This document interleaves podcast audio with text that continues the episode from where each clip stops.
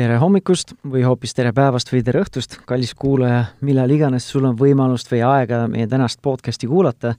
see on Pere ja Kodu podcast, mina olen Tanel Jeppinen ja tänase saate teemaks on meil, kuidas hoida ja taastada intiimsust ja kirge oma paari suhtes. nii et olgu hoiatuseks öeldud, et tänane teemaarendus tõenäoliselt ei ole sobilik väikestele kõrvadele, et kui sa kuulad seda koos oma lastega, siis pane kas kõrvaklapid pähe või siis äh, planeeri kuskil mujal või muul ajal seda saadet kuulata. ja selleks on meil täna äh, siin stuudios külaliseks Epp Kärsin, tere Epp! tere, armsad kuulajad! ja ma ei tea, kas, kui palju Epp tutvustust äh, vajab, aga olgu siis öeldud, et ta on naudingute koolitaja ja mina näen teda kui siis nii-öelda teadlikkuse promojana eh, just sellise paarisuhte kontekstis, et inimesed teeksid teadlikult valikuid, teadlikke valikuid ja, ja ma ei oskagi öelda, kuidas veel seda võib-olla avada inimeste silmi, et need on ju sellised teemad, millest ei ole meil koolis ega kodus räägitud, et kuidas ühes teadlikus paari suhtes olla õnnelik, et see ei kestaks ainult äh, pool aastat kuni kolm kuud, kui on see armumise faas vaid see jääks kestma võib-olla terveks eluks. jaa, natukene nii-öelda traditsiooniliselt mittemaskuliinse sellise kommentaari paneks ka, et võib-olla, et kuidas avada südameid siis teineteisele, üksteisele. jaa, just.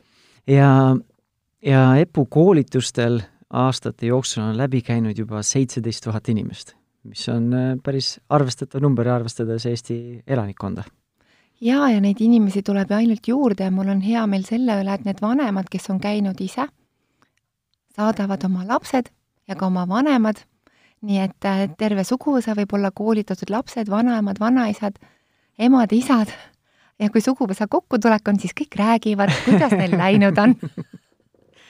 okei okay,, ja kommentaariks ka, et mina EPU koolitustest kuskilt mingit äh, kasu ei saa või selles mõttes rahalist kasu, kui keegi teine läheb, aga ma olen äh, nii oma vanemusprogrammi EPU kutsunud rääkima äh, lähedusest, intiimsusest ja olen ka oma naisega käinud EPU äh, siis äh, mis need on, retriit, mis see eesti keeles on? no naudingute romantikapakett oli nädalavahetuse see. pakett. nädalavahetuse pakett. kus me oma naisega saime siis lastevaba aega veeta, terve nädalavahetuse. aga räägime siis sellest intiimsusest ja kirest, eriti just äh, lapsevanemate siis nii-öelda võtmes või vaatevinklist, aga ma arvan, et need on võrdlemisi universaalsed lähenemised, et ei ole ainult lapsevanematele sest lapsevanemana, võrdlemisi värske lapsevanemana, meie noorem on kolmeaastane, vanem plika on viiepoolene, siis äh, mina olen nagu märganud seda, et kui siis laste nii-öelda tegemiseks või siia ilma toomiseks on vaja seda suurt armastust, siis sagedasti see laste olemasolu selles paarisuhte dünaamikas enamasti väga positiivselt ei mõju sellele lähedusele ja armastusele, eriti kui just nii-öelda nagu mõtlematult või siis autopiloodil edasi funktsioneerida sest need lapsed võtavad nii palju aega, nii palju tähelepanu, nii palju energiat ja siis see paarisuhe nagu jääb selleks, et äh, selleks võtame aega siis, kui jääb aega või kui jääb energiat, mis tõenäoliselt väga hea strateegia ei ole. Jaa, kindlasti mitte, et äh, saab ju läheneda sellele väga teadlikult, et kui väikesed lapsed on peres, siis naine ongi rohkem keskendunud lastele ja esimene eluaasta, isegi kaks esimest eluaastast, ta võibki olla seal, ongi laps number üks, ta tegeleb rohkem lapsega ja mees ju käib tööl edasi, mees vastutab, et kodus oleks kõik hästi, et arved oleksid makstud, kodu soe, katus pea kohal. Ja naine on pidevalt lastega koos ja võibki juhtuda see, et ta läheb hästi perenaise energiasse, mis tähendab, et temas ei ole enam seda tütarlapselikust kergust, seda armastajat, kes võiks mehe tuua sellest rutiinist välja. Ja nüüd mõned naised küsivad, aga kuidas mina jaksan, kui ma olen nii väsinud? aga nüüd peakski naine ütlema, kallis, tead, ma ei jaksa enam ma olen hommikust õhtuni lastega koos, ma soovin olla koos sinuga. meid ei ole õpetatud hästi selgelt ja puhtalt enda soove väljendama. me arvame, et mehed on hiromandid, et nad loevad meid ridade vahelt. ei, kallid naised, nad ei loe seda. palun rääkige meestega otse, lihtlaused ja ärge kartke, et nad teid hukka mõistaksid. mehed on väga-väga tänulikud, kui te ei mossita, ärge mängige sellist mängu, et pilt on, aga häält ei ole ja kui mees küsib, kallis, mis on, siis ütled mitte midagi. Endal on niimoodi, et ai, kui sa ainult teaksid, hambad ristis. ja veel mehed, et äh, kui teil isegi endale tundub, et kõik on justkui nagu hästi, mehed elavad kuskil mulli sees, nad ei taha märgata seda, et tegelikult midagi on muutunud. asjad toimivad, siis mees võiks lihtsalt kas või kord nädalas võtta oma naisel käes kinni ja küsida, kallis, mida sina soovid? kas on kõik hästi, kas mina saaksin teha midagi sinu jaoks? Ja on ju tehtud teaduslikud uuringud, kui on väikesed lapsed ja kui on veel mitu last järjest ja naisel jääb uneaega pidevalt väheks, siis ta on niivõrd kurnatud emotsionaalselt, vaimselt, füüsiliselt, et ausalt seda seksi sinna vahele ei mahugi. nii kui unetunde tuleb juurde, võtab naine uuesti tagasi oma mehe armastatud naudingutega ja rohkelt ka sellist teineteise vahelist olemist, seda tuleb leida, selle jaoks tuleb võtta aega. sest ma olen koolitanud tõesti tuhandeid paare ja nad on ausalt öelnud, et kuus aastat tagasi olid nad kahekesti, oi, abielludes, oli vist üheksa pool aastat tagasi. kus te elate, täiskasvanud inimesed, lapsed kasvavad kodus suureks, aga oskus jääda oma partneriga intiimselt emotsionaalselt lähedaseks. teate, suhe on nagu üks edukas ettevõte. sellega tuleb pidevalt tegeleda. ja kui teil naistel kõigil ongi mast on maas, enam ei jaksa, siis ütlege oma kallile kaaslasele, kallis mees, palun, võta juhtimine üle, ma soovin enda aega ja see on sinu õigus sina oled ise number üks, meessuhtes on ise number üks. ema-isa suhe on kõige tähtsam ja kui ema-isa on õnnelikud, on ka õnnelikud lapsed mm.. see oli, see oli, ma arvan, et poolteist aastat tagasi, kui sa minu selles vanemusprogrammis käisid seal ühel seminaril külas. ja siis pärast seda kevadel me tegime naisega siis otsuse, et me püüame iga kvartal lastevaba nädalavahetust veeta. Reaalsuses ei ole õnnestunud iga kvartal, aga see on umbes selle pooleteist aasta jooksul on õnnest-, õnnestunud vist viis või kuus korda praegu, mis on täpselt viie võrra rohkem kui eelneva kolme-nelja aasta jooksul, mis me lapsevanemad olime. et ähm, see on minu jaoks ja meie, meie, minu ja naise vahelise suhte jaoks olnud väga selline suure väärtusega muutus, et me teadlikult paneme need asjad kalendrisse ja me võtame ja otsime, paneme selle logistika paika, mis ei ole alati lihtne, seda logistikat paika panna, et see aeg tekiks. jaa, aga vot see ongi see, et sa pead väärtustama enda soove ja just sellepärast, et äh, kui teil väga pikalt ei ole aega teineteise jaoks, siis te teate, et seksuaalsus on hästi huvitav. ta läheb uinunud olekusse, te oletegi, võite elada koos, käia, teha, aga teil puudub nagu teineteise suhtes selline nagu tõmme. See on uinunud. aga nüüd, kui te võtate selle aja, et hakkate uuesti olema teineteist, hakkate kõigepealt rääkima, te hakkate kõigepealt õppima uuesti üksteisele silma vaatamist, uuesti käes kinni käimist, puudutust, siis seksuaalsus ärkab meis ülesse. alguses tuleb ennast natukene sundida ja siis pärast enam te lihtsalt pidama ei saa ja te leiate selle aja. lihtsalt, kui ema-isa on õnnelikud ja mitte midagi pole teha, seksuaalsus meie elus on üks imeline osa. Ja ka naised on öelnud, et kui nad on niivõrd väsinud väikeste laste kõrval, siis nad teevad seda justkui kohustusest. ja see tundub neile nii mõttetu, nii ükslõine ja igav võib-olla tõesti, mees, ära küsi otse naise käest, no kas me täna seksime ka. naine tunneb etteheidet nagu mis mõttes, et täna ka seksime. alles eile tegime sutsakaga üks minut ära, on ju, aga see ei paku naisele midagi. võta kas või selline aeg, et lähete, panete lapsed magama. minge, olge kahekesi lihtsalt diivani peal, lihtsalt kaisutage. Otsige üles uuesti need intiimsed sellised puutepunktid, mis teid teineteises kõnetavad. Need on nii väikesed sammud me ei saa kohe sundida ennast suurtesse hüpetesse nüüd edasi astuma. me peame kõigepealt harjuma teineteise lõhnaga, puudutustega, hellusega, et see on väga põnev teekond koos kasvada. no kui meil mees nii-öelda kuulajaid praegu on, siis võib-olla võikski rääkida sellest, kuidas siis seda seksi küsida, kui niimoodi ei ole hea küsida, kuule, kas täna õhtul saab või et paneme lapsed varem magama, et see on täiesti kohutav, üks naine ütles, et tema tuleb koju, noh, ka viimase lapse kõrvalt tööle läinud mees on juba varem koju täielik niimoodi, lükkad välisukse nii lahti, et astud kõik jalanõud, kõik läbisegi sassis. mees on rahulikult teles, vaatab uudiseid, näpib seal käsi püksis, on ju, ja siis, ja siis nagu naine küsib, et äh, siis mees, noh, kallis. No naine ei taha sellist lähenemist, ta tahab, et kui ta läheb koju, et mees oleks juba pannud need jalanõud ära, ta oleks juba tõmmanud selle põranda puhtaks, ta oleks juba pannud kartulit keema. naine tunneb, et mees ka panustab naine ei ole ainult kodumasin, naine ei ole see, kes peab kodus kõike tegema. ja mehed, võtke rohkem kohustusi naistelt vähemaks. Te näete, kui naised on puhanud ja värsked, neil tuleb tagasi see, see kirg sinu enda vastu. Et äh, tõesti, on väga palju teadlikuid mehi, aga nad on jõudnud alles sinna siis, kui kas suhe on väga suures kriisis ja karil, kui nad alles hakkavad aru saama, et äkki ma peaksin ka ise natukene kodus rohkem panustama kindlasti. kui naine on värske ja puhanud, tal on alati rõõmus ja kerge meel mm. -hmm. USA-s oli üks äh, agentuur, kes tegi uurimuse nemad tõid välja, et need mehed, kes teevad rohkem kodutöid kodus, need saavad ka kodus rohkem seksi. aga see ongi omavahel nii seotud. mul oli koolis üks vanem härra, ta on abielus äh, tolleks ajaks, see oli eelmine aasta, olnud juba pea, mis ta ütles, no üle neljakümne aasta. ja ta ütles, et tema ei ole mitte kunagi kodus jäänud ilma seksita. kõik mehed, kuidas, mis mõttes, sul on mingi eriline naine? ütleb ei, ma lähen koju, kui mina jõuan varem, ma teengi kõik asjad ära. et naine tuleks koju, et ta ei peaks tegema. Ja see aeg, mis meile üle jääb koristamisest, mida mina olen ennem ära teinud, me saame kas või koos minna kinno, kohvikusse, jalutama, me saame rääkida. Ja me alati räägime, et ütleme, paarisuhe võti on rääkimine. Ja rääkimine, rääkimine, veel kord rääkimine südamest südamesse, ilma selleta, et me hakkaksime süüdistama teist osapoolt. sinul on aega, sina käid trennis, sinul on sõprade jaoks, sina käid kõik seal, aga väljenda oma soove, kallis, et mina soovin. Mina soovin minna trenni, kas sul on aega vaadata lapsi? meil peaks olema igalühel täiskasvanud inimesel päevas vähemalt tund aega enda aega, kui meil ei ole ühtegi kohustust. kui palju on neid naisi ja mehi paari suhtes, kes saavad võtta, võtta selle tunni aja enda jaoks. tegelikult on väga vähe.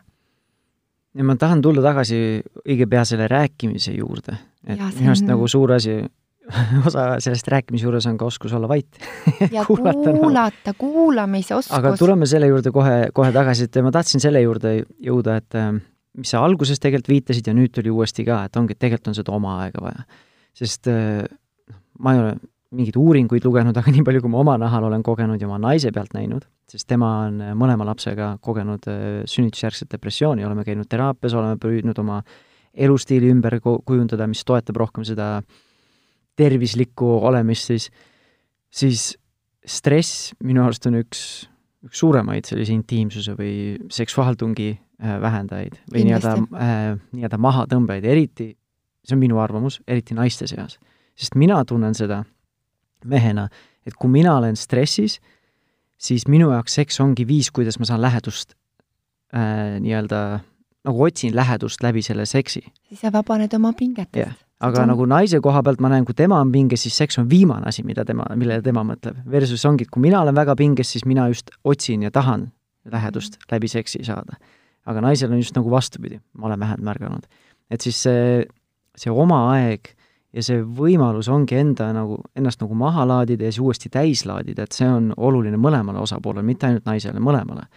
Aga see on samamoodi, et kui nagu rääkisime, et paari suhte jaoks ei võeta aega, siis tavaliselt see mina ja minu aeg jääb ka tavaliselt eh, kuskile, ma ei tea, tahaplaanile. ja, ja see tulebki sellest, et äh, meil ei ole sellist mustrit ees meie vanemate puhul, samamoodi me ei ole ju näinud seda et meie ema või isa võtaks aega enda jaoks, ikka kogu aeg on olnud lapsed esimesel kohal. Ja kui me täna vaatame statistikat, ega midagi ei ole muutunud, viiskümmend protsenti, isegi rohkem, viiskümmend protsenti abieludest lahutatakse. Ja lapsed on tavaliselt kahe-kolmeaastased. nii et enne, kui me üldse saame lastevanemateks, me peaksime läbi käima kõik. Mina tulen ka, Tanel, sinu sügisel, mul on laps küll olemas, ta on kolmeteistaastane tütar, ma tahan tulla sinna programmi, mida sa teed, ma tahan saada veel teadlikumaks. Ja lihtsalt juba sellepärast, et, et äh, olla nagu toeks nendele inimestele, kes on võib-olla samas situatsioonis, sest ma olen ise lahutatud. aastal kaks tuhat kümme jooksis meie suhe karile, kaks tuhat üksteist ametlikult me lahutasime. ja nüüd tagantjärgi, kui minu teadlikkust läbi enda elukogemuse ja läbi erinevate koolituste, läbi erinevate raamatute, läbi erinevate podcast'ide kuulamise, ma saan aru, et me kordame ühtesid ja samu vigu. miks me seda teeme? miks ei võiks olla kohustuslik seesama, mida sina teed juba koolis, keskkoolis, enne kui me läheme paarisuhtesse? Sest kõik need kuldvõtmekesed peaksid olema meie enda karbis, meie enda südame sees. et me oskaksime reageerida, et me oskaksime õigel hetkel reageerida, mitte seda kummi venitada nii pikaks, kui see on juba nii pingul. siis võib juhtudagi see, et me oleme teineteisest emotsionaalselt nii kaugenenud. meil on nii suur solvumine, me oleme nii haiget saanud ja suhet ei ole võimalik päästa siis, kui üks tahab ja teine ei taha. Suhet on võimalik päästa siis, kui mõlemad osapooled annavad uue võimaluse mm. -hmm. see on vahva, et sa jagad, jagasid seda ka, et kuidas sa ise õpid, kuulad äh, raamatuid, loed raamatuid, podcast'e ja nii edasi, siis see minu arust ongi selline noh, ma ei tea, kas see, kuidas see saab nagu kahjuks tulla, kui ma võtan tõesti, panen aega ja energiat, investeerin sellesse, et mõista iseennast paremini, mõista oma partnerit, mõista suhtedünaamikat paremini. et ma just äh, täna siia rongiga Tallinnasse sõites samamoodi kuulasin äh, ühte John Gottmani raamatut. Ja, ja siis seal toodi sama asi välja, et ongi, et esimesed abielud, viiskümmend protsenti lahutus, nii-öelda see suhtarv või mis iganes. Eh, kui abielud ollakse teises abielus, siis see protsent on kuuskümmend viis protsenti. kolmandate abielu, abielu puhul on juba seitsekümmend viis protsenti, ehk siis see näitabki, et kui ma midagi vahepeal ei muut-, muuda, siis iseenesest midagi ei muuda, see, et mul on uus särav partner seal kõrval, varsti ta enam ei ole nii uus ja särav nagu, et täpselt sama reha otsa astun, täpselt samad väljakutsed või noh, sarnased väljakutsed ja sarnased enda mustrid, mis võib-olla õõnestasid seda suhet eelmises suhtes, tulevad kaasa. kui ma vahepeal ei õpi nendest vigadest. kui ma ise ei, ei võta teadlikult kuidagi seda tähelepanu alla, et midagi teistmoodi teha, teistmoodi suhtuda, iseenda mustritega tööd teha. Ja, ja, ja ma olen täiesti nõus sellega, et me oleme pidevas muutumises ka paari suhtes, see paarisuhe on hästi dünaamiline. Et äh, kuidas mees kasvab ja areneb, kuidas naine kasvab ja areneb, on ka ju praegu selliseid variante, et äh, mehed mõtlevad, mis sel naisel viga on, mida ta vingub kogu aeg, miks ta millegiga rahul ei ole? Raha tuleb pangaautomaadist, ilus maja, ilus auto, eks, kõik on olemas. aga kui meie hing on tühi, siis täna on see aeg, kui meie hing vajab seda armastust ja seda kergust ja seda tunnet oma kaaslase poolt, et mina olen armastatud ja hoitud. ja iga naine vajab selleks, et särada tohutult palju tunnustust mehe poolt. samamoodi vajab iga mees naise poolt tunnustust, et naine vaatab oma mehele alt ülesse. kallis, sina oled see mees, kes on minu unistuste mees, et iga naine oskaks väljendada enda tundeid, et ta julgekski mehele öelda, kallis, ma vaatan sind ja ma lihtsalt tahan sind või kallis, et see, kui sa niimoodi minuga räägid sellise hääletooniga, tead, see teeb mulle haiget. sest eelmises suhtes, näed, minu partner võib-olla, ta käitus minuga väga ebasõbralikult ja need vanad asjad tulevad uuesti ülesse. ja see ei ole üldse seotud tänase partneriga, vaid need on minu enda lahendamata teemad ja kindlasti ärge kartke otsida abi terapeutide juurest. väga tore, see sinu koolitus, millest me rääkisime, programm, on olemas veel ka äh, paari suhtele, see prep.ee kodulehekülg, kus sa saad samamoodi minna koos oma mehega, te õpite kuulama, rääkima, jagama ja paarisuhe peaks jääma kestma ka siis, kui lapsed lähevad kodust ära. täna on ju vanuses äh, nelikümmend viis kuni viiskümmend viis kõige enam loovad mehed paralleelsuhteid teiste naistega. see on just see periood, kui kodust on lapsed välja kasvanud, aga naisega enam ühisosa ei ole.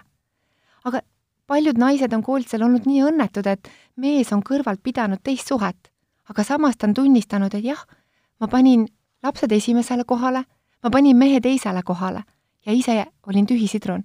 kui naine on tühi sidrun, siis ta ei täida meest armastuse, elluse, naudingutega.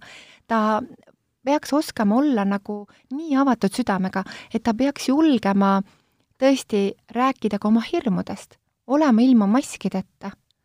Või näiteks, kui mõnel on väga suur äh, soov kontrollida, siis see kontroll tuleb ka ju ebakindlusest ja armukadedus tuleb ka ebakindlusest või armastus ju tõesti tahab vabadust ja kui me hakkame kedagi tohutult ahistama, siis see suhe lihtsalt lämbub ära.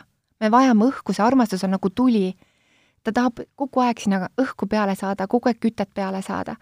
ja me peame võtma aja, nii nagu me rääkisime, iseenda jaoks, vahest selleks, et aru saada, kuhu ma selles suhtes liigun. Kas ma olen õnnelik selles suhtes või ma olen automaatpiloodi peal. elu on elamiseks, elu on elavatele, me elame ainult üks kord ja iga päev peab olema elus nii palju elu, et ma tõusen üles särasilmil ja mõtlen, ma olen ise õnnelik ja tänulik kõige selle eest, mis minu elus on. ja osake märgata pisiasju enda partneri juures, ka neid väikeseid muudatusi ja tõesti anda talle positiivset tagasisidet, sest argipäev tuleb suhtesse siis, kui me enam ei märka see aeg iseendal ongi, et üks asi, et sa tõesti täidad enda tassi, et sa ei oleks siis tühjaks pigistatud sidrun, on ju, aga teine asi, mis sa välja tõid ja mis mina just hiljuti kogesin, ongi see, et see aeg iseendale võikski olla aeg iseendale ja iseendaga et ma ei võta kaasa näiteks, ma ei tea, kõrvaklappe ja mingit podcast'i või mida iganes, aga ma, ma võtangi aega, et olla iseendaga, tõesti mõista, mis, mis siin sees nagu toimub. sest me võtsime eelmine nädal, võtsime aega, et tegime kaks päeva, et äh, veetsime oma üks-ühele lapse, lastega aega. et naine võttis tütre, mina võtsin poja, olime kaks päeva, üks oli hotellis, siis vahetasime niimoodi, et käisime veekeskuses üks-ühele ja nii edasi. ja mina olin siis nagu enamus aja oma kolmeaastase pojaga, mis oli ikka selline nagu mitte nagu halvas mõttes, et mul armastan oma poega ja see oli, ma tundsin, kuidas see lähendas meid, aga see tõmbas mind energiast tühjaks, sest kolmeaastasele ma ei saa, näiteks kui me läheme veekeskusesse, ma ei saa võtta pool tundi, kuule, ma lähen saunadesse, ole sina siin basseini ääres, on ju. kui me oleme kahekesi, et nagu kogu aeg olin nagu lapsele orienteeritud ja suunatud ja pärast seda paari päeva, kui me saime kokku nüüd, läksime koju perena, siis ma tundsin juba õhtul, kus ma olen nagu närviline et iga väikene asi, nagu ma tundsin, et tõstab seda temperatuuri mul sees. Ja ma ütlesingi naisele, et ma lähen lihtsalt välja jalutama, ma ei joosta, joosta ei viitsinud seekord, ma lähen lihtsalt jalutama. Ja läksin, jalutasin kolmveerand tundi, ma tulin tagasi, mul oli hoopis teistsugune perspektiiv asjadele. Nendele samadele asjadele, mis mind just kolmveerand tundi tagasi närvi ajasid. ja noh, kuna ma töötan iseendale, ma saan seda lubada, siis ma võtsin järgmine päev ka, ma ütlesin, et ma lähen neljaks-viieks tunniks ära linna. Äh,, läksin trenni ja siis läksin äh, spaasse kolmeks tunniks või kaheks pooleks tunniks. olid üksinda? ja spaas on nagu äge, ongi see, et kui ma lähen jalutama, siis enamus inimesed ikkagi võtavad oma kõrvaklapid kaasa või midagi ka, et et, et jumala eest ei oleks iseendaga, ei, ei peaks seda sisekõnet, on ju, et ei tea, mis sealt veel tuleb. aga kuskil spaas on nagu raske seda teha. mul ei olnud sõpra kõrval, kellega lõõpida või mingit mm, -hmm. ma ei tea, rääkida, ja noh, kuskil saunas ma ei saa ka kõrvaklappidega olla, siis olidki. või noh, ma olingi kaks pool tundi iseendaga. ja ütlemata ägedaid mõtteid tuli nagu, ägedaid mõtteid sellest, mis ma ise nagu tõesti selliseid taba, taipamisi, mis minul endal on vaja, et ennast paremini tunda, ennast nii-öelda kas mehelikumana või siis nii-öelda värskemana, et mul on rohkem anda oma lähedastele ja noh, paratamatult tulid ka päris ägedad ärimõtted sisse lõpuks, aga neid ei oleks olnud, kui ei oleks olnud aega iseendale ja iseendaga. nagu sagedasti paljud inimesed ütlevad, et head mõtted tulevad siis, kui sa oled duši all, sest sul ei ole muud sisendit, sa ei oledki vaikuses iseendaga. et äh, seda aega on nagu vaja, ma arvan, et mitte ainult enda tassi täitmiseks, aga iseendaga, et mitte kontakti ära kaotada. aga inimesed ju kardavad seda vaikust enda sees, sest kui meie ümber on hästi palju müra, kas see on nutitelefon, kas need on kõrvaklapid, kas see on mingisugune raadio, kas see on televisioon, siis me oma südame häält ei kuula tegelikult. meie südame hääl on hästi vaikse häälega ja enamus inimesed elavad mõistuses Neil kõik see, mis neil toimub kahe kõrva vahel, hästi tugevalt mõjutab neid. kõik meie ootused, kõik, kõik nagu mis, milline peab meie elu olema. ja, ja väga palju mõjutab see väliskeskkond, kus me oleme, kes on meie sõbrad, meil on peegelneuronid, me tahame ikkagi olla nagu ka sõprade sarnased. Või kui meil on nagu väga sellised äh, tugevad paarid meie kõrval, siis ilmselt ka meie enda suhe õnnestub. Sellepärast, et äh, need inimesed ei anna alla, nad võtavad selle suhte, nad hakkavad sellega tegelema aga kui sinu ümber on inimesed, kes pidevalt nagu iga poole aasta tagant, aasta tagant vahetavad suhteid, siis sa võid hakata samamoodi reageerima, et ah, mis siis, tuleb uus ja parem. aga tegelikult needsamad vanad teemad on sinu sees lahendamata. ja minule meeldib ka näiteks niimoodi, et mulle meeldib tohutult olla üksinda. ja ma kirjutangi selles vaikuses, mulle meeldib kodus vaikus. ja, ja tulevad üles sellised mõtted, ideed. mõtlen, aga need on, see on ju, see, see tuleb ju kuskilt nii sügavalt minu seest ja mina olen alati öelnud, et äh, kui on elus nii keeruline periood, et ära tee siis sel hetkel, ära tee mitte midagi. ole lihtsalt selles vaikuses. ja sellest vaikusest tuleb nii palju vastuseid, aga me peame ootama selle hetke ära, kui meie süda hakkab meiega rääkima.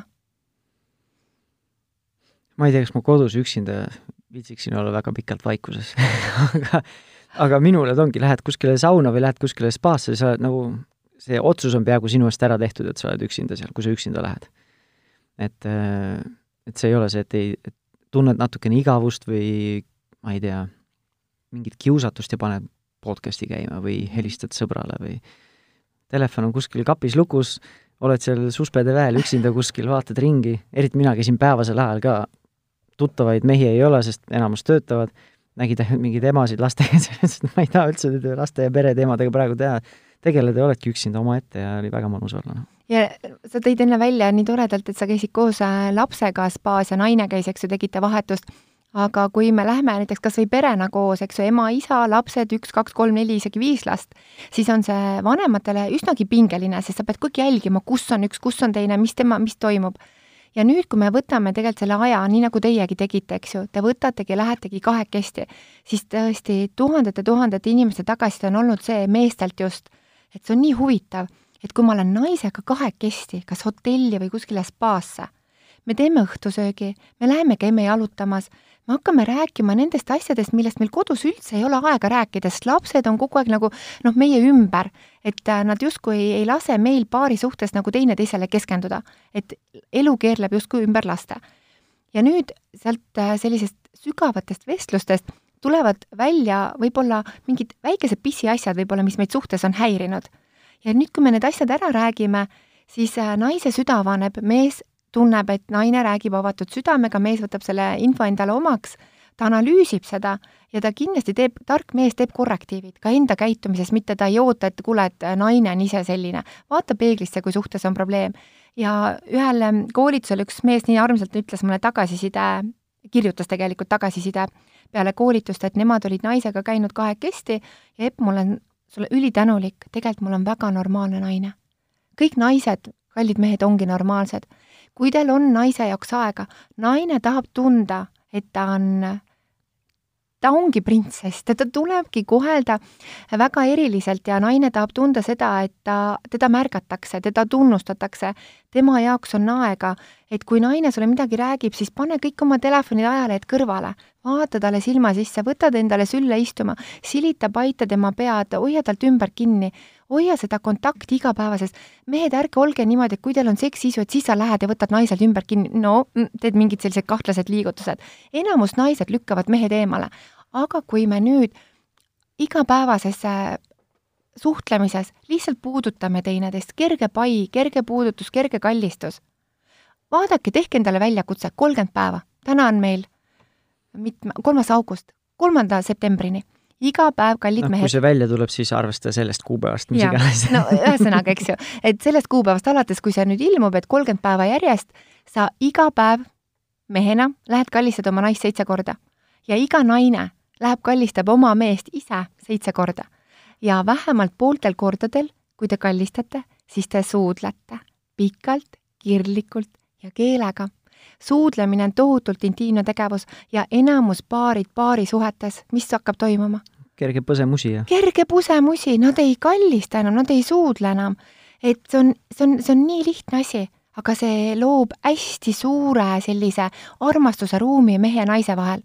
ja mulle väga meeldib äh, Jüri Aarma, kes äh,, Gunnar Aarma, vabandust, Jüri Aarma isa, kes ütles, et kui ema-isa kallistavad kodus siis see kallistus üks pluss üks ei ole enam üks tegelikult, see on isegi kaks ja kolm, et seal on nii palju armastusenergiat.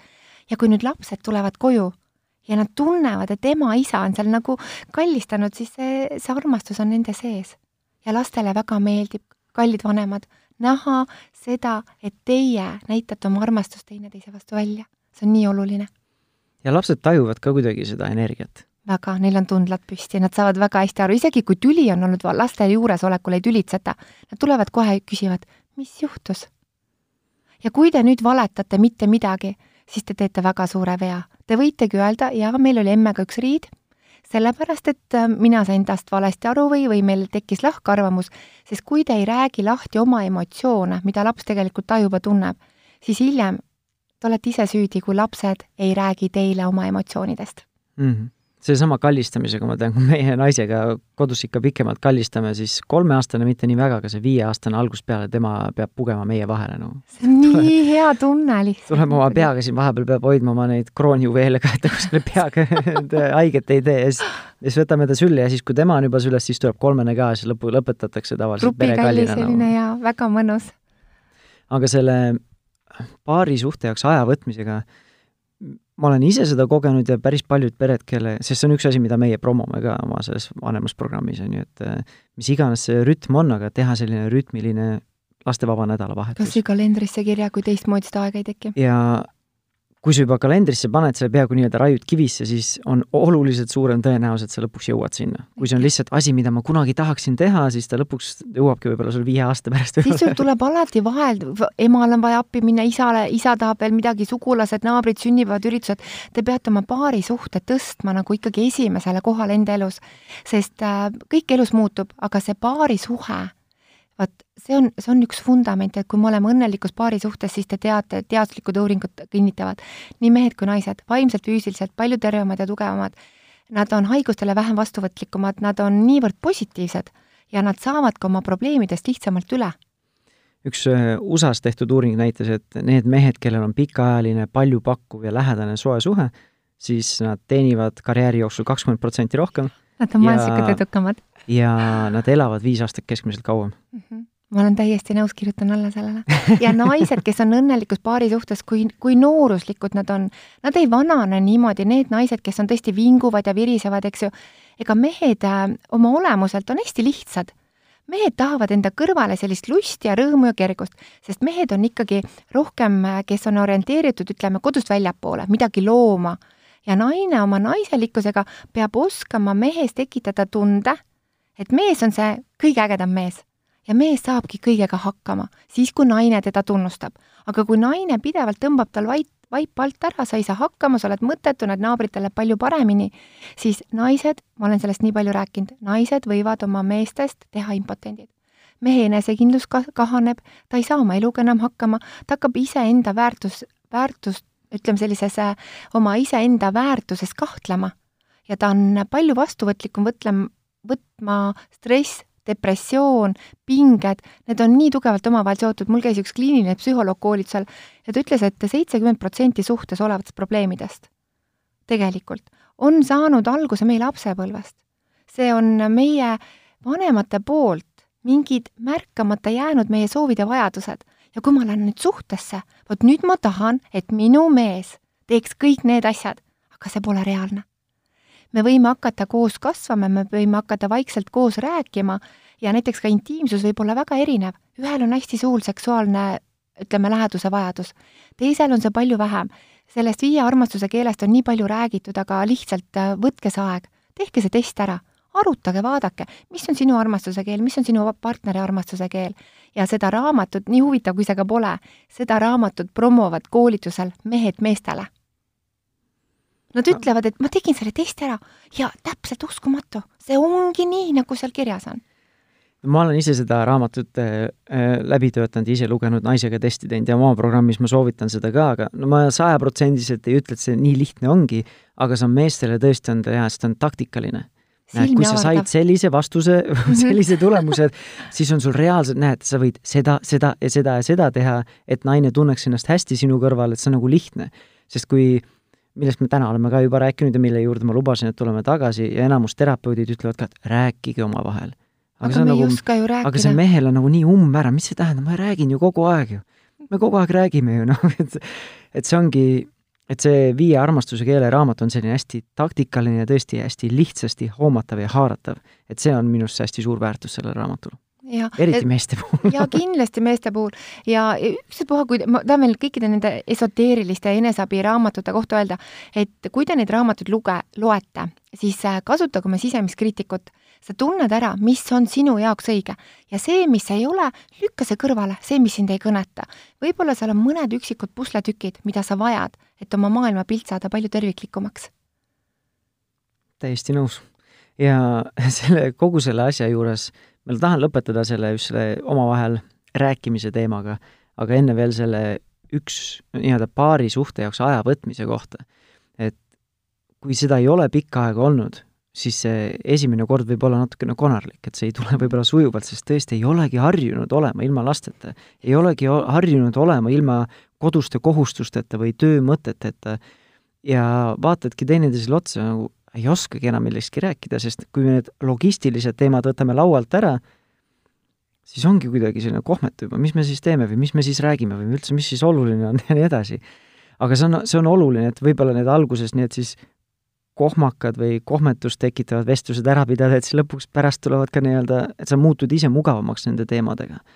ja see aeg paari suhtel on oluline minu arust kaks tuhat neliteist, viisteist või kuusteist kuskil oli minu arust Taanis oli hullult suur kampaania ka, et paarid, minge reisima, sest nad avastasid, et nii palju Taani lastest on tehtud reisi ajal, kui vanemad on siis puhkusel. ja siis ongi, sa oled puhkusel, sul on töö ja koduasjad on ära, stress on maas kohe, saadki nii-öelda, silm särab rohkem ja siis tehakse nii-öelda neid Taani lapsi, on ju, ja siis oligi see, ma ei mäleta, kas see oli reisi büroo tegi või siis oli riiklik mingi iibe, iive tõstmise kampaania, et minge reisile ja tehke lapsi, tehke ta, Taani lapsi nagu.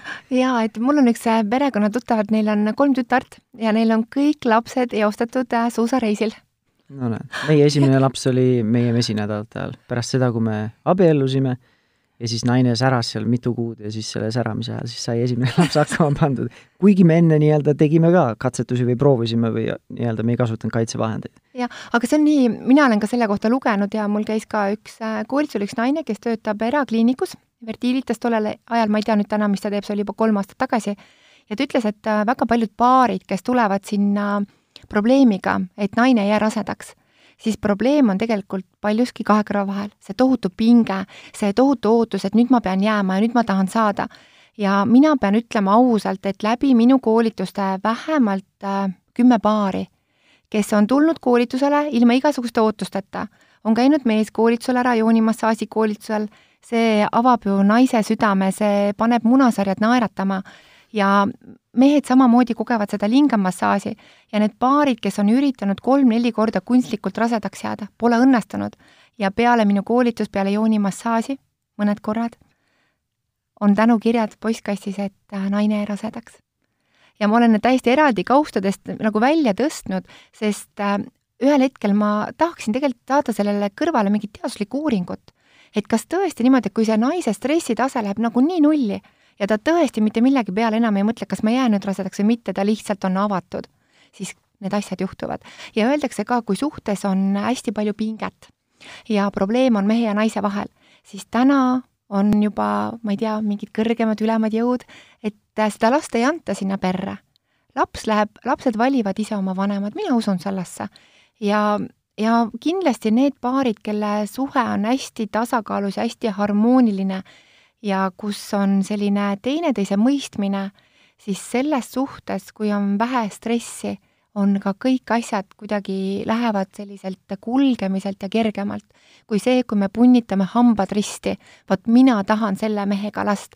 ja veel, mis ma tahan öelda, et kuulajad, kui te kuulate, et teil on endal lapsed sellised juba teismelised, siis äh, ärge jätke neile rääkimata sellest, et äh, täna on noortel hästi populaarne mobiiliäpid, mis näitavad ära, et kuna on ohtlik aeg rasedaks jääda ja kuna ohtlik aeg siis mitte. et äh, väga palju juhtumeid tagasisidena, need mobiiliäpid ei tööta reaalselt päris inimestel. et äh, siin on, alles hiljuti oli üks lugu, kus tütarlaps ütles, et ei, ei, ma ei ole rase. üsna suhte alguses ja ei läinud palju aega mööda, kui see tütarlaps ütles, et ups olen rase küll. nii et äh, meie füsioloogia, meie keha, et isegi siis, kui me arvame, et me teame kõike, siis me tegelikult ei pruugi teada. ja mida ma tahan selle jutuga öelda, et äh, kui me räägime täna siin mehe-naise suhtest ja ka lastest ja ja üldse ka sellisest seksuaalsusest, siis ärge kartke lastele rääkida seksi kohta esimesed teadmised tulevad kodust ja kui vanemad on hästi avatud nende teemadega, te hoiate ära väga palju probleeme, sest need lapsed, kellele kodus pole seksist räägitud, nemad on palju kõrgemas riskigrupis. Nendel teemadel, et kas liiga vara on rasedaks jäädud või on keerulised suhted ja öeldakse, et need lapsed, kes seksist teavad väga palju, nende esimene vahekord lükkub ikkagi palju hilisemaks. meil käis ka üks äh, seksuaal, ma ei tea, õpetaja või kuidas siis seda nimetada, kes õpetabki vanematele, kuidas siis kodus nendest teemadest rääkida mm. -hmm. ja siis tema ütles ka, et mida nii-öelda nagu rohkem on usaldust, mida rohkem räägitakse nendest teemas ja mida parem on see kodune seksuaalharidus, seda tervislikumad seksuaalharjumused on nendel lastel ja tervemad suhted ja kindlasti veel üldsegi tervemate suhete kohta, et nii naised kui mehed, et me elame üks kord et ärge olge sellistes suhetes, kus te olete hästi õnnetud, sest see mõjub niivõrd depressiivselt. ja kui me teame statistikat, siis Eesti mehed on üsna eesrinnas maailmas, kes teevad enesetappe, aga miks? sest Eesti mees ei jaga oma südameprobleeme, nad ei räägi oma sügavamaid selliseid ootusi ja lootusi või pettumusi. me Eesti mees joob ära pool liitrit viina ja võib-olla siis hakkab midagi rääkima oma naisega. ja see on ka nagu üht, üsnagi õrn lootus, et ta seda teeb ja mida mina soovitan, on see, et äh, armastuses me peame olema hästi avatud südamega. armastus tahab seda, et meie südamed oleksid ilma lukkudeta ja kui naine on hästi avatud südamega, siis ta muugib mehe lahti. ja vastupidi saab samamoodi olla, et mõni mees on nii avatud, ta räägib kõigest, aga naine on lukus, ta on haiget saanud, siis selline sühe, suhe vajab aega, et küpseda, sest kõige paremad suhted äh, tekivad meil siis, kui meil ei ole enam hirmusid jagamast kõike, mis toimub meie sees. no muidugi öeldakse, et sada protsenti päris, päris lõpuni ausad me ei peagi olema, aga need asjad ikkagi, mis meil igapäevaselt, pisiasjad hakkavad häirima, pisiasjad on need asjad, millest ühel hetkel saavad suured tülid. me peaksime kõiki neid asju ennetama mm. -hmm. me oleme siinsamas podcastis päris mitme baariterapeudiga jõudnud ka sinnani, et, et heaks seksiks või seksuaalseks heaks selliseks klapiks on vaja head emotsionaalset klappi. Või emotsionaalset sellist intiimsust on vaja füüsiliseks intiimsuseks. et see on nii-öelda hea siis üleminek sellele ka, et kuidas siis rääkida omavahel, et et ei ole see, nagu ma ütlesin, et kui esimest korda võib-olla lähen naisega sinna puhkusele ja siis vaatame otsa, me ei oskagi millestki rääkida, tegelikult võib-olla sees pulbitseb küll, aga ei oska neid kas sõnadesse panna või oleme lihtsalt nii ebakindlad, et et mis siis küll teine pool arvab või siis noh, ma ei tea, mehe puhul ongi see, et ei oskagi reaalselt väljendada ennast, mida ma siis ütlen või kuidas ma jagan ja siis mm.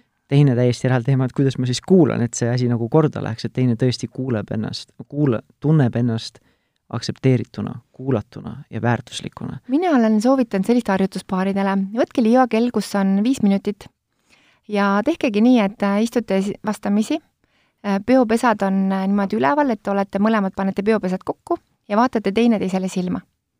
ja viis minutit läheb käima, näiteks äh, mina kuulajana kuulan, mida mees räägib mulle viis minutit. liivakella aeg saab läbi ja mina peegeldan nüüd mehele tagasi, mida mina tema jutust aru sain. ja teate, kui üllatav see võib olla? see võib olla nii, et mees kehitab õlgu, ütleb, mis mõttes? kuidas sa must niimoodi aru said?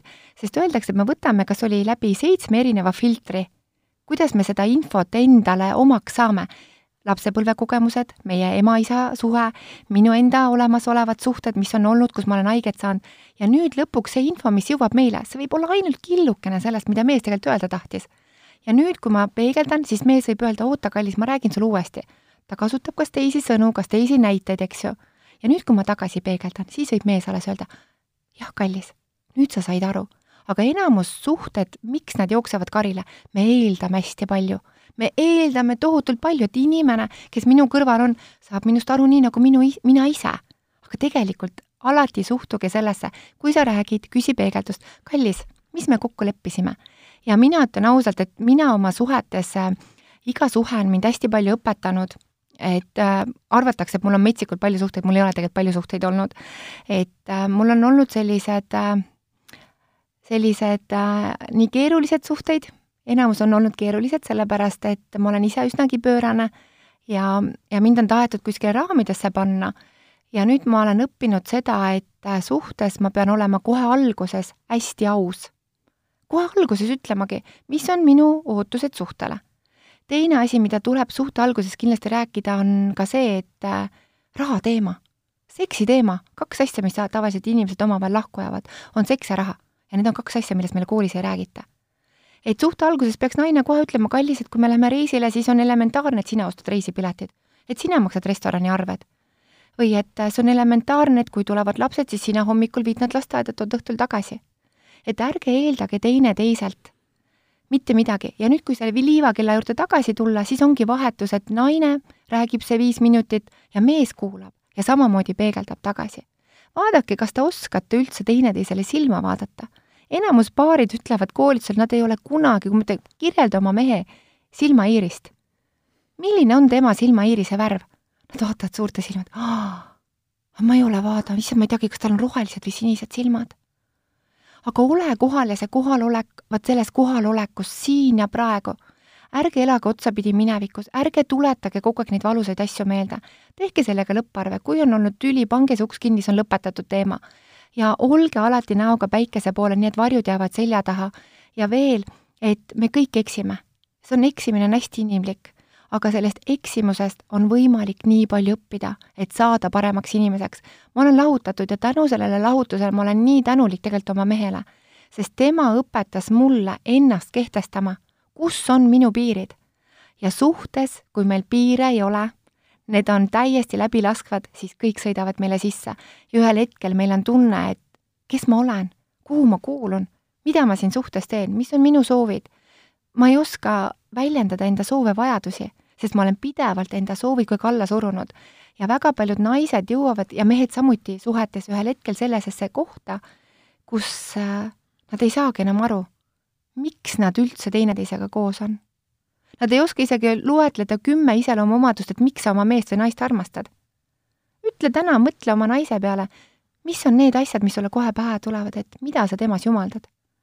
mis on see, kui sa tema peale mõtled, mis sul paneb silma särama või see või äkki toob sulle hoopis mingi asi, mida ta teeb pidevalt, toob sulle pisara silma?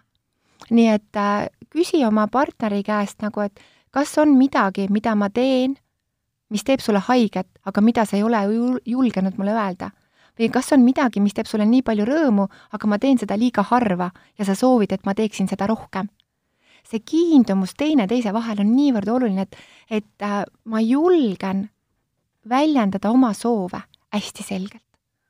ja see peaks olema täiesti elementaarne, et me räägime ja me räägime ka valusatest asjadest, mitte ainult ilusatest asjadest, sest suhtes see sügavus tekib siis, kui me julgeme jagada ka enda hirme ka enda mingisuguseid traumasid. näiteks äh, naine võib-olla on kasvanud sellises peres, kus äh, isa tõstis häält ja ta kartis, ta põgenes, jooksis laua alla ja võib-olla läks hoopis emale veel kätega kallale. ja kui nüüd on ta suhtes, et mees tõstab häält, mis protsess tema sees tuleb ülesse? seesama lapsepõlve kogemus. ja ta võib reageerida nii, et ta, ta, ta ei oska sellele seletust anda eks nende raskemate, sügavamate teemadeni tavaliselt selleni jõudmine võib rohkem aega võtta, sest eriti kui varem ei ole rääkinud nendest nii-öelda päris elulistest ja olulistest asjadest, siis hakata kohe nii-öelda sukelduma nendesse sügavatesse teemadesse, siis kohe see võib alguses. ühe, ühe osapoole või mõlemad osapooled nagu ära, veel, ära ja veel rohkem no. lukku panna. et pigem alustage sellest, et pisiasjadest, et hakkate rääkima, üks mees ütles, et ah, et oli juttu tunnustamisest ja positiivsest tagasisidest ja ta küsis mu käest, et Epp, mis see tähendab ja ma ütlesin lihtsalt näited, näiteks sa käid, viid prügikasti välja, naine ütleb aitäh sulle, käid toidupoes, naine ütleb nii tore, et sa tõid mulle ka ananassi, et mulle metsikult meeldib ananass, on ju, et sa tead küll, miks ananass mu lemmik on. ja et sa annad talle, peegeldad tagasi. Ja see mees ütles selle peale, kas on iseenesestmõistetav. me ei taha olla iseenesestmõistetavad, ei naised ega mehed. Mm.. no teine hea asi, mis mina olen märganud, on hea asi, millest rääkida, et kui me ei lähegi võib-olla nii-öelda sellesse minevikku, mis on võib-olla raskemad teemad alguses, et kui me koos unistame lihtsalt, vaatame, mida me tahaksime, kus me tahaksime olla paarina, perena viie aasta pärast, võib-olla ma ei tea, mina ei ole nii selline kätega tegija, aga mul naine läheb juba pikka aega, ütleb, et kuule, teeme koos seda visioonitahvlit või unistuste mm -hmm. tahvlit. et koos midagi sellist teha, siis see juba toob meid sinna ühele nagu kuskile tasapinnale ja siis sealt edasi, kas ei pea olema samal päeval või samal õhtul, aga hiljem juba on lihtsam võib-olla minna teistesse sügavamatesse teemadesse. ma tahan öelda, enda lugu jagan siin, see oli ühes suhtes, kus mul tundus, et meil on üsnagi kriis käes. ja ma olin ise alustanud just äh, Kiira järve juures selle pere, ütleme noh, pere selline teraapia või selline algkursus. ja Kadri Järv-Mändoja siis kutsus, noh, tegelikult ma ise palusin, et ta teeks seda ja siis ta ütles, et kutsus meid, et noh, tulge siis vastuvõtule. Ja mis siis juhtus, kui me hakkasime neid asju rääkima, et mis on minu ootused, mis on minu unistused, siis äh, selgus, et see inimene, kellega ma olin juba piisavalt kaua koos olnud, me tahtsime täiesti erinevaid asju. temal ei olnud nii suuri visioone elus, no mina olen ikkagi metsikult palju unistanud ja kõik minu unistused siiamaani on, on täitunud. Ja, ja võib-olla enne, kui me paneme leivad ühte kappi, me võiksimegi minna näiteks äh, kuskile pereteraapiasse, lasta teha genogrammi. genogramm on super asi. sealt tulevad välja kõik need vanemate mustrid, minu mustrid, minu mehe mustrid, minu vanavanemate mustrid ja need teemad jooksevad kokku, sest need asjad kõik korduvad. aga kui me täna rääkisime sellest, kui me alustasime üldsegi seda podcast'i täna, et kuidas siis tuua suhtesse kirg tagasi, kui me oleme teineteisest täiesti valgusaastate kaugusel. esimene asi, hakake käimas õhtul koos jalutamas käest kinni, pisiasi. teisena äh, mängige sellist mängu, see on, see on nii lihtne mäng. võtke suled, käige koos duši all, on ju, silita paita oma partnerit sulgedega või lihtsalt hakka teda puudutama ja küsi oma naise või mehe käest, kus ta soovib, et ma sind puudutaksin. See oleks liiga jäi-, jäik või ütleme, liiga selline robustne üleminek, et kui nüüd on vaba nädalavahetus, me ei ole pool aastat seksinud, on paare, kes ei ole isegi aasta, poolteist, kaks seksinud ja nüüd tuleb nagu, vot nüüd me teeme nagu pornofilmis naine ei ole valmis selleks. naine kõigepealt peab uuesti hakkama meest usaldama. ta peab uuesti võtma mehe oma südame sülle. mees peab olema naisega tohutult kannatlik, olge palun naistega kannatlikud. Et kui ta ühel hetkel, kui sa juba silitad, paitad, sul on, sul, sa juba oleksid valmis sisenema, aga naine veel ei ole valmis. pigem äh, soojenda naist nagu veekülma vett veepotis. hakake esmaspäeval niimoodi pihta. käige jalutamas, aga ei suudle teisipäeva hommikul suudlete ja mängige seda mängu, nii et igapäeval te lähete aina sügavamale, sügavamale just nagu intiimsusega. Ja alles pühapäeval te saate otsa sisse panna ja seksida. teate, kuidas see tõstab nagu seda, et homme on päev, aasta tuleb, siis me puudutame. et äh, tehke naisele rinnamassaaži, tehke naisele peamassaaži, tehke käemassaaži, et seks on tõesti nagu viimane asi, mida naine tegelikult mehelt kohe ootab alguses ta tahab harjuda uuesti sinu lõhnaga, sinu maitsega, sinu puudutusega, sinu kallistusega, sinu suudlusega ja alles siis tuleb see, nii et hakake pihta, esmaspäeval teete peamassaaži, teisipäeval kaelamassaaž, sõrmed ja jõuate varbaotsteni. ja siis tulete tagasi ja hakkate otsast peale, aga siis juba kõik kogu paketina. ja ma ütlen ausalt, mehed, tehke naistele üldmassaaži tehke üldmassaaži nii, et võtadki oma naise ja ütled, kallis, täna on sinu päev. Äh, kõik naised on öelnud, et kui mees on teinud neile tund aega üldmassaaži, isegi kui ta on alguses öelnud, tead, mul ei ole üldse seksisu, sa võid teha, aga mul pole seksisu.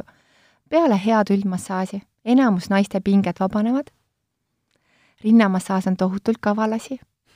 kui te teete naisele rinnamassaaži, jätate nibud viimaseks, siis lihtsalt naine on nagu sulavõidel käte vahel ja veel üks asi, kui naine on tee peale solvunud, siis ta ei lase oma rindasid puudutada. kui naine nimetab ema, siis ta ei taha, et tema rindasid puudutatakse. tehke jalad alla massaaži. Kui väärtuslik see on, tehke peopesa massaaži, suudelge, musitage oma naise kõrvasid, kõrvadest on võimalik täiesti orgasm saada. õppige enda keha tundma, oma naise keha tundma, mängige sellist mängu, üks naine ütles, et saab täiesti hulluks. mees rahuldab iseennast, naine vaatab, kuidas mees seda teeb, naine rahuldab iseennast, mees vaatab, kuidas ta seda teeb. ma ütlen, enamus Eesti paarid, kaheksakümmend protsenti, ei ole seda mängu mänginud. Miks ma seda tean, sest ma olen nii palju tuhandeid inimesi koolitanud, nad vaatavad, et see on mingi eh, need on mingite pervertide mängud, ei ole, see on see, et sina tunned oma keha ja kui hea seks saab alguse sellest, et naine tunneb oma keha. Ja kui naine on sünnitanud, siis väga paljudel naistel võivad olla seal õmblused ja rebendid ja kõik asjad, andke oma naisele aega, aga olge naise jaoks emotsionaalselt lähedal, kallistage teda. Olge lihtsalt kallistuses ja embuses ja, ja tunnustage oma naist ja öelge oma naisele, et ta on ilus, ta on armas, ta on niivõrd suurepärase figuuriga, sest enamus naised peale sünnitust on väga ebakindlad. ja kui mees ütleb peale sünnitust naisele, kuule, et kuna sa trenni lähed, et sul käivad jalad kokku keskelt, on ju, või et mis asja, et üks rind on suurem kui teine, imetamisega võibki see juhtuda, siis sellised laused jäävad naistele meelde terveks eluks. ja kui sa ükskord oled naist hingepõhjani ära solvanud siis ega sealt välja tulla on üsnagi keeruline. nii et olge oma sõnadega hästi ettevaatlikud, nii mehed kui naised, et ärge kunagi vihahoos kellelegi midagi öelda sellist, mida te päris, päriselt ei mõtle nii et lõpus läksime päris mahlaseks ja konkreetseks ka. jah, sest aega jäi ju väheks, ma, ma võiksin, ma olen ju täiesti diagnoosiga, ma võiksin seksist ja naudingutest rääkida äh, terve, ma ei tea, päevi ja päevi ja mul on nii palju uusi ideid mul on äh, Jälgige mind, amareluuna.com on minu kodulehekülg ja seal on siis üleval vabad äh, kohad koolitustele, inimesed võivad öelda, mis mõttes alles novembrikuus. jah, alles novembrikuus ma teen tõesti metsikult palju koolitusi, aga eestlaste soov saada teadlikumaks, minu koolitusele ei tule paarid, kellel suhtes on probleem, nemad enam ei seksi, need hakkavad varsti lahutama. minu koolitusele tulevad paarid, kes saavad aru, et magamistuba on suhte vundament ja teate, mehed, kui te seksite hästi, siis teile antakse nii palju asju andeks. kui te olete põrsa taga, seksite hästi, siis te olete ikkagi väga hoitud naiste poolt nii et kui meil jäi aega väheks ja kui kuulajale jäi sinust väheks, siis amareluna.com. ja leiab mind ka tegelikult Instagramist, et Instagramis on ka mul konto olemas sealt, noh, me selliseid postitusi nagu ütleme, seksi kohal ei tee aga sealt on mind võimalik leida, aga põhiinfo on ikkagi jah, amareluuna.com ja on olemas ka kodulehekülg siis selleks nagu e-poena, kust, mida mina soovitan teile veel, et äh, meie Amare Luna kookosõli, me müüme seda tonnide viisi. Ja see on selline toode, et kui te võtate selle magamistuppa, Tanel, tahad sa sellest rääkida, siis sa enam sellest ei loobu. Meil veel on üks. üks on veel et see on tõesti selline toode, millega mehed te saate naisele teha pealaste arbotseni massaaži. ja see sobib nii anaalseksiks, vaginaalseksiks, rinnamassaažiks, üldmassaažiks, küpsetamiseks ja päikesekaitsekreemiks, ka suvi on käes aga aitäh sulle, et, et sa võtsid aega oma kiirest elutempost, et tulla siin tunnikene lobisema. suur tänu, Tanel, et sa mind kutsusid. kõike paremat kõigile, kes meid siis täna kuulasid ja armastust ja päikest teie südamesse! Ja, ja minu poolt ka suur-suur aitäh sulle ka, kallis kuulaja, kui tänane teema ja teemaarendus läks sulle korda, siis kindlasti vaata ka meie varasemaid podcast'e nii-öelda arhiivist, neid on õige pea juba peaaegu sada ja sa leiad need kas oma nutitelefoni podcast'i rakendusest, Spotify'st või siis äh, Delfi või Pere ja Kodu veebiväljaandest. ja kui sa oled juba suur podcasti kuulaja, siis kindlasti kuula ka minu sooloprojekti Rahumeelse vanemuse podcast.